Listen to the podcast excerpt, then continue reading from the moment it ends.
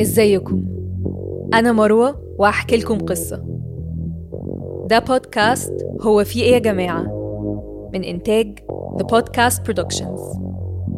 في البودكاست ده هحكي لكم قصص حقيقية عن جرايم قتل أحداث تاريخية غريبة أماكن مسكونة وكل القصص اللي لما بنسمعها بنقول هو في إيه يا جماعة؟ هي الناس مالها؟ القصص دي بطبيعتها ممكن يكون فيها مشاهد عنف أو أحداث ممكن تبقى مؤذية لبعض الناس. فياريت تقروا الوصف كويس عشان تتأكدوا إن الحلقة مناسبة ليكم. يلا نسمع قصة النهاردة.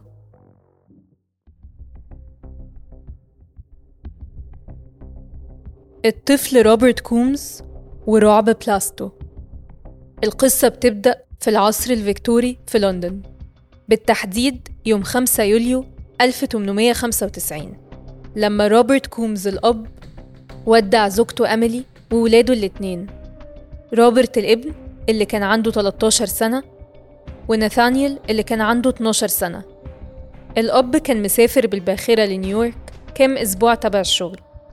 ما كانش عارف إنه لحد ما يرجع هتكون حياته اتشقلبت وهيكون خسر كل عيلته.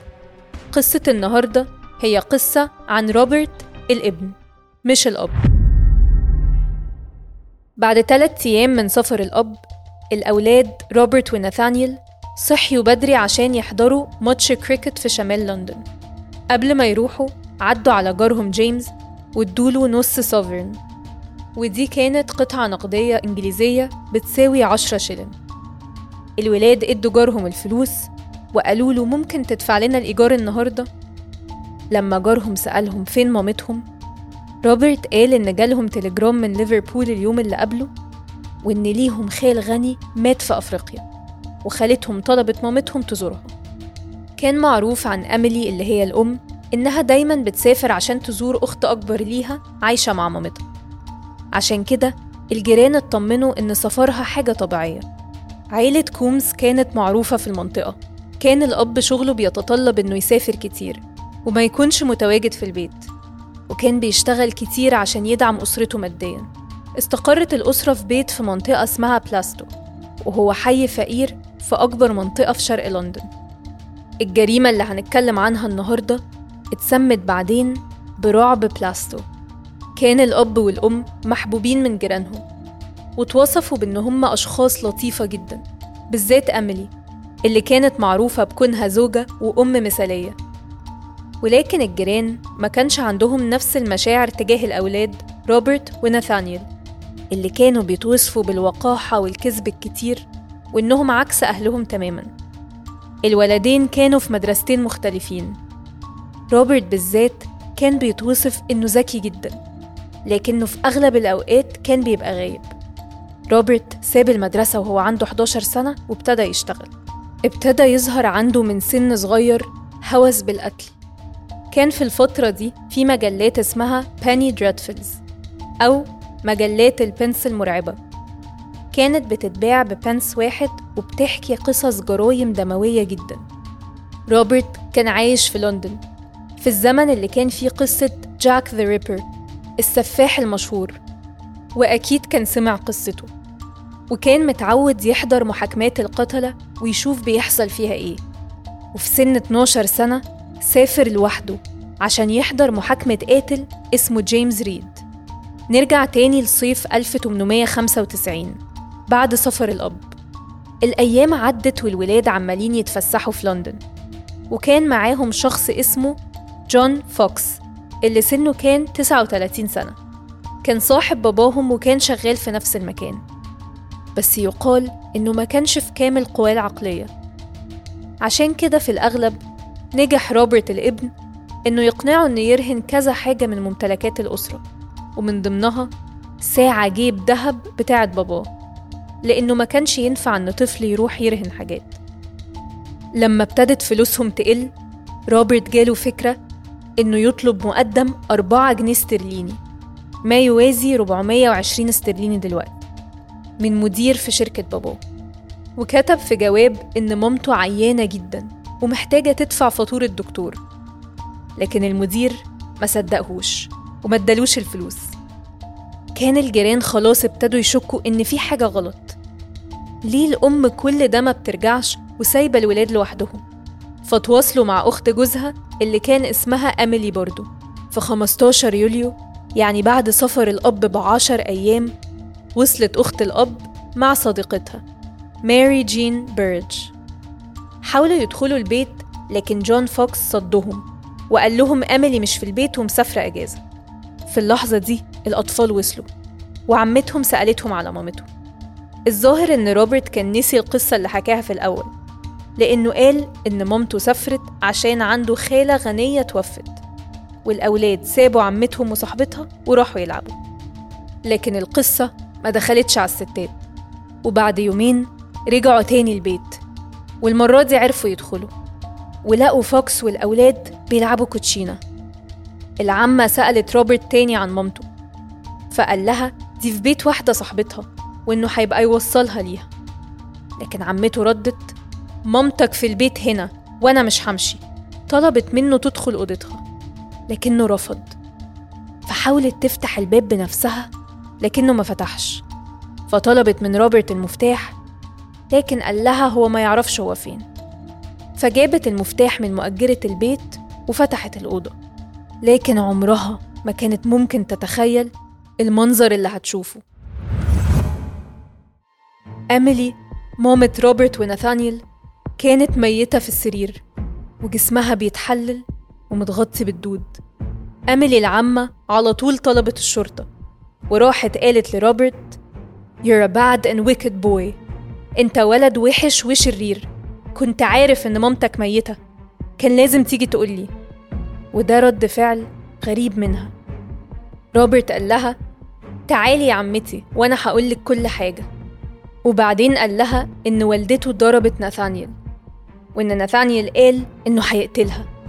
لكن بعدها قال أنا مش هعرف. روبرت ممكن أنت تقتلها؟ وقال روبرت إنه نام في سرير مامته ليلة الحد. وادعى إن أخوه قال له لما كح مرتين نفذ. فهو سمع أخوه كح مرتين في الأوضة اللي جنبهم فنزل من السرير وقتلها. عمته سألته مامتك عيطت؟ فقال لها لأ. سألته هل كانت صاحية؟ قال لها آه. وكانت بتغطي وشها بإيديها. سألته عن الوقت وقال حوالي أربعة إلا ربع صباح يوم الاثنين اللي فات من عشر أيام. سألته عمته عملت إيه بعد كده؟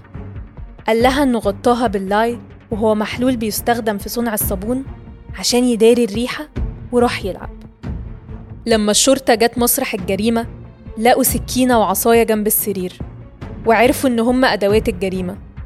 روبرت طعن مامته في قلبها مرتين بعد ما ضرب راسها بالعصاية واعترف بقتل مامته بمنتهى الهدوء من غير ما يظهر أي مشاعر. أفراد من الشرطة ابتدوا يستجوبوا روبرت وأفراد تانية جريوا ورا ناثانيل ومسكوه بعد ما كان بيحاول يهرب. لما استجوبوا ناثانيل قال إنه ملوش دعوة بالجريمة وإن أخوه قتل مامته أما كان هو نايم في سريره. بسبب قانون الأطفال اللي صدر سنة 1889 عرفت المحاكم في الوقت ده إن الطفل هو أي ولد عمره أقل من 14 سنة وأي بنت عمرها أقل من 16 فكده ناثانيال وروبرت كانوا يعتبروا أطفال. ومع ذلك تقرر إنهم هيكونوا مسؤولين جنائيا عن موت مامتهم لو أثبت إنهم كانوا عارفين يفرقوا بين الصح والغلط. في 16 سبتمبر بعد شهرين من قتل الأم المحاكمة بدأت. خلال الإجراءات طلب المدعي العام الإفراج عن ناثانيال واعتباره شاهد بدل من متهم وتوافق على طلبه. ناثانيال كان مرعوب لما طلع المنصة وعيط وهما بيستجوبوه.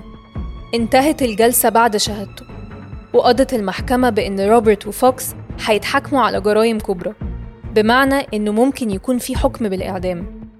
روبرت اتحط في سجن هولوي وأخوه اتسلم لخالته.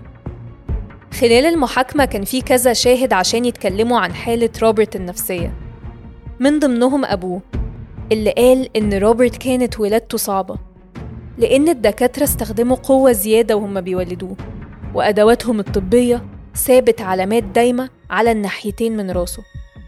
في سن الثلاث سنين ابتدى يعاني من نوبات صداع رهيبة والأطباء نصحوا بإن راسه عمرها ما تتضرب وابتدى يتوصف له كبريتات البوتاسيوم كمهدئ وده اللي أكده دكتور العيلة جون جوزيف جريفن. اللي أدلى بشهادته روبرت كان هادي جدا في المحكمة وكان كمان في طريقة كلامه مستهزئ بالمحاكمة كلها والسلوك الساخر ده كان بيكمل معاه لزنزانته. هناك اتقال إنه كان بيغني وبيصفر وبيستهزئ بشكل متكرر من الضباط اللي بيراقبوه. جورج أدوارد ووكر الطبيب النفسي في سجن هولوي اللي كان مسؤول عن التحقق من صحة روبرت العقلية قدم رسالة كتبها روبرت لحد من جيرانه. وجزء منها بيقول أنا مدمر أمي. روبرت كمان قال لجورج إنه سمع أصوات بتأمره بقتل والدته وإن الرغبة في قتلها كانت لا تقاوم. المحاكمة ناقشت بشكل تفصيلي مرض روبرت وفكرة فهم الصواب من الخطأ عند الأطفال. يعني روبرت أما اشترى سكينة ده دليل سبق إصرار. لكن برضه هو ممكن كان اشتراها خلال نوبة هوسية وما كانش متحكم في أفعاله. روبرت كان سنه أصغر من إنه يتنفذ عليه حكم إعدام. فكان الأسهل إنه يعلن إنه مجنون. فقرروا إن روبرت كان قاتل مجنون. بيمر بفترات صح. ودي فترات صفاء ذهني بيمر بيها بعض المرضى النفسيين. اللي بيكونوا قادرين فيها يميزوا الصح من الغلط ويتحكموا في أفعالهم وحددوا كمان إن من أسباب عنف روبرت هو هوسه بالأدب الضار والعنيف. اللي هي المجلات اللي كان بيحب يقراها ومحاكمات القتلة اللي كان بيحرص إنه يحضرها. وتم إدانته واتحكم عليه إنه يفضل في مستشفى برادمور لمرتكبي الجرائم غير العاقلين بشكل غير محدد وكان أصغر سجين فيها. أما ناثانيال وفوكس فأخدوا براءة. بس لسه للقصة باقي. لما روبرت تم 30 سنة في سنة 1912 أطلق سراحه. روبرت هاجر لأستراليا اللي كان هاجر لها أخوه قبله. لما الحرب العالمية الأولى بدأت اتطوع فيها وكان بيخدم المرضى واتصاب مرتين بشظايا وهو بينقل جنود مصابين. ونتيجة لده حصل على وسام عسكري كتقدير لشجاعته في 1916 بعد الحرب اتنقل روبرت لنيو ساوث ويلز في أستراليا وعاش حياة هادية كمزارع. كان كمان بيعلم الموسيقى لأطفال القرية. وكان في ولد اسمه هاري مولفيل عنده 11 سنة. كان بيتعامل معاملة سيئة من جوز مامته. فروبرت اتبناه وعاشوا مع بعض ست سنين. لما بدأت الحرب العالمية التانية في 1939 روبرت تطوع. مع إنه وقتها كان في الخمسينات من عمره. بس جاله إعفاء طبي من قبل ما يسافر. في 7 مايو 1949 اتوفى روبرت في سن ال 65 سنة وساب كل ما يملك لابنه بالتبني هاري مولفيل. لو عاوزين تسمعوا قصص عن أطفال ارتكبوا جرائم برشح لكم حلقة ماري بيل القاتلة الصغيرة. دي كانت قصة النهاردة. لو عجبتكم أو حسيت إنكم عايزين تقولوا هو في إيه يا جماعة؟ يبقى ما تنسوش تعملوا like و subscribe و share ولو عندكم قصص عاوزين ترشحوها ابعتولنا على صفحة The Podcast Productions واستنوا القصة الجاية.